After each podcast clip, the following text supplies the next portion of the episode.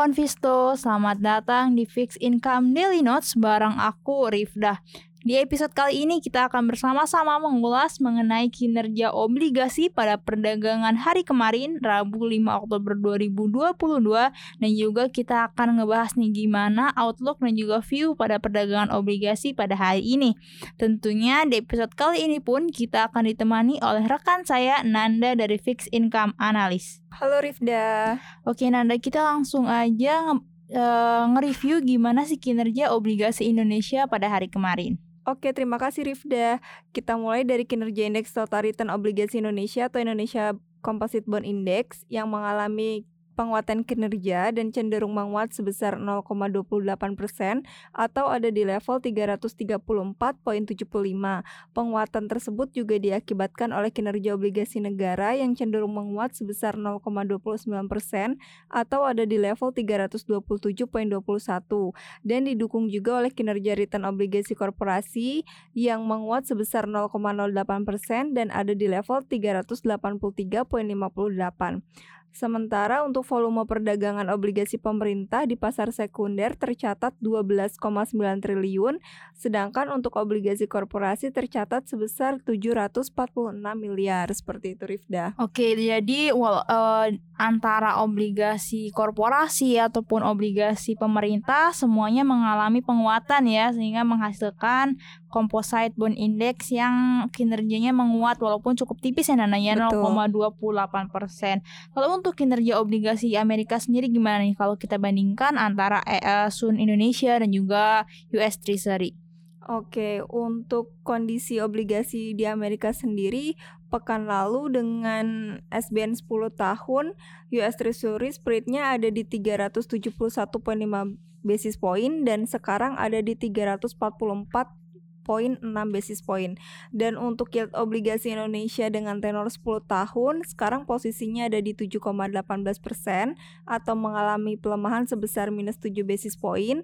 Dan untuk di US sendiri yieldnya justru naik sekitar 12 basis point menjadi 3,75 persen. Oke, jadi spreadnya cenderung mulai menyempit ya Nanda ya. Betul. ya. Lalu untuk pergerakan mata uang rupiah sendiri kemarin ditutup berapa ya? Terus kira-kira sentimen apa aja sih yang ngaruh ke pergerakan mata uang rupiah kemarin ini. Oke, untuk mata uang rupiah pada penutupan perdagangan di hari kemarin cenderung menguat ya sebesar 15.193 per dolar Amerika Serikat.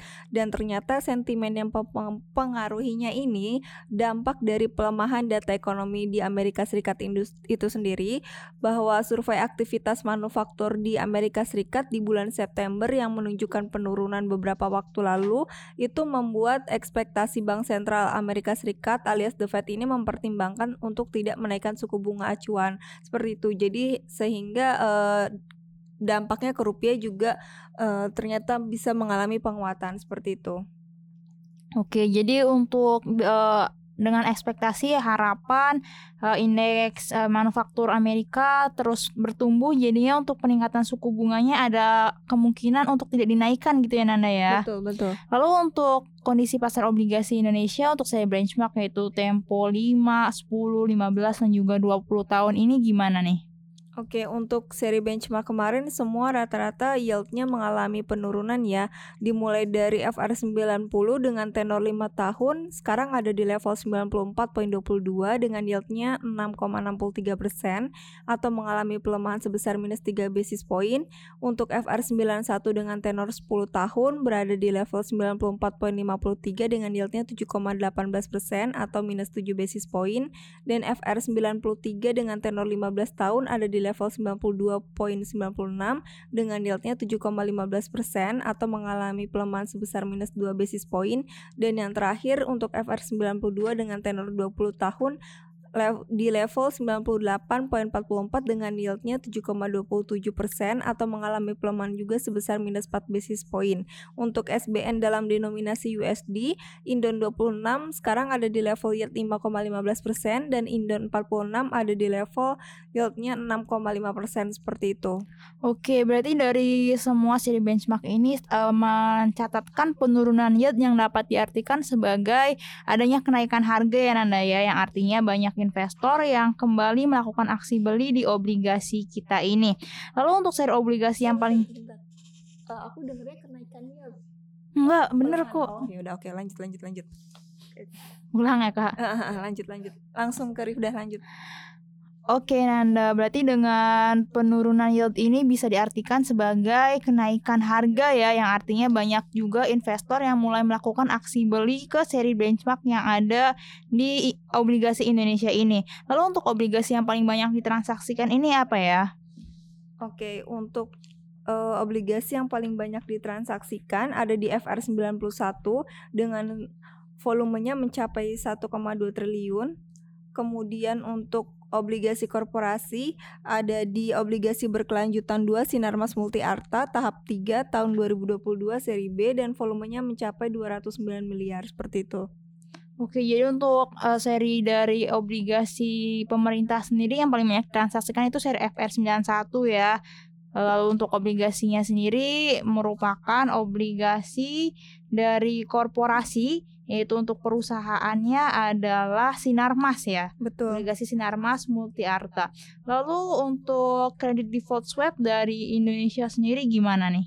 Oke, untuk level kredit default swap dengan 5 tahun Indonesia per hari ini ada di level 151.19 dan posisi tersebut mengindikasikan probabilitas default atau gagal bayarnya sebesar 2,52% dan posisi ini mengalami penurunan sebesar minus 9,05% atau uh, di tanggal 29 September ini ada di level 167.34 seperti itu.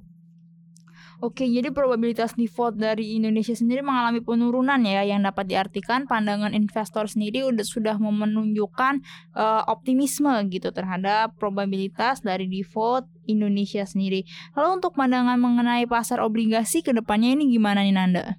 Oke, untuk ke depannya berdasarkan data uh, sentimen yang ada itu juga mengenai para produsen minyak utama dunia yang tergabung ke dalam kartel OPEC Plus uh, sepakat memangkas produksi harian sebanyak 2 juta barel mulai November 2022 dan keputusan itu ternyata bisa membuat harga minyak mentah dunia akhirnya mengalami kenaikan atau jadi melonjak ya sehingga bisa membuat inflasi juga semakin tinggi dan sekarang yang sudah berkontribusi kepada perlambatan ekonomi global bisa jadi diperkirakan untuk memicu resesi di tahun depan. Jadi uh, di sisi lain pemangkasan tersebut juga bertujuan untuk menghentikan spiral penurunan harga. Jadi uh, di sedangkan di dalam negeri sendiri untuk sektor manufaktur Indonesia ini tetap konsisten berada pada zona ekspansi selama 13 bulan berturut-turut meskipun kondisi global yang dibayangi oleh resesi diperkirakan terjadi dimulai tahun depan dan terbukti juga Purchasing Manager Index Manufaktur Indonesia kembali meningkat signifikan di bulan September dan ada di level 53,7 dibanding bulan Agustus yang sebesar 51,7. Jadi uh, untuk perkiraan yield Sun dengan tenor 10 tahun ini diproyeksikan sekitar 7,25 sampai 7,50 persen seperti itu.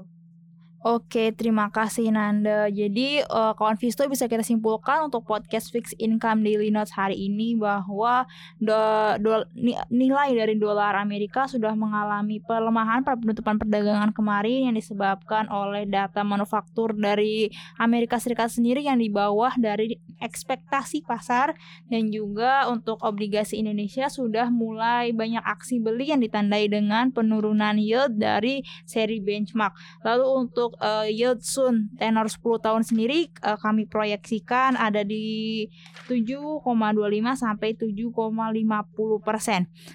Oke kawan Visto, untuk podcast Fix Income Daily Notes hari ini kita sudah di sini. Terima kasih. Uh, untuk informasi investasi lainnya silahkan kunjungi investasiku.id.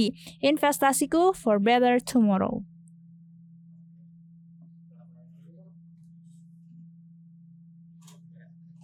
Halo kawan Visto, selamat datang di Fix Income Daily Notes bareng aku Rifdah. Di episode kali ini kita akan bersama-sama mengulas mengenai kinerja obligasi pada perdagangan hari kemarin Rabu 5 Oktober 2022 dan juga kita akan ngebahas nih gimana outlook dan juga view pada perdagangan obligasi pada hari ini. Tentunya di episode kali ini pun kita akan ditemani oleh rekan saya Nanda dari Fix Income Analyst.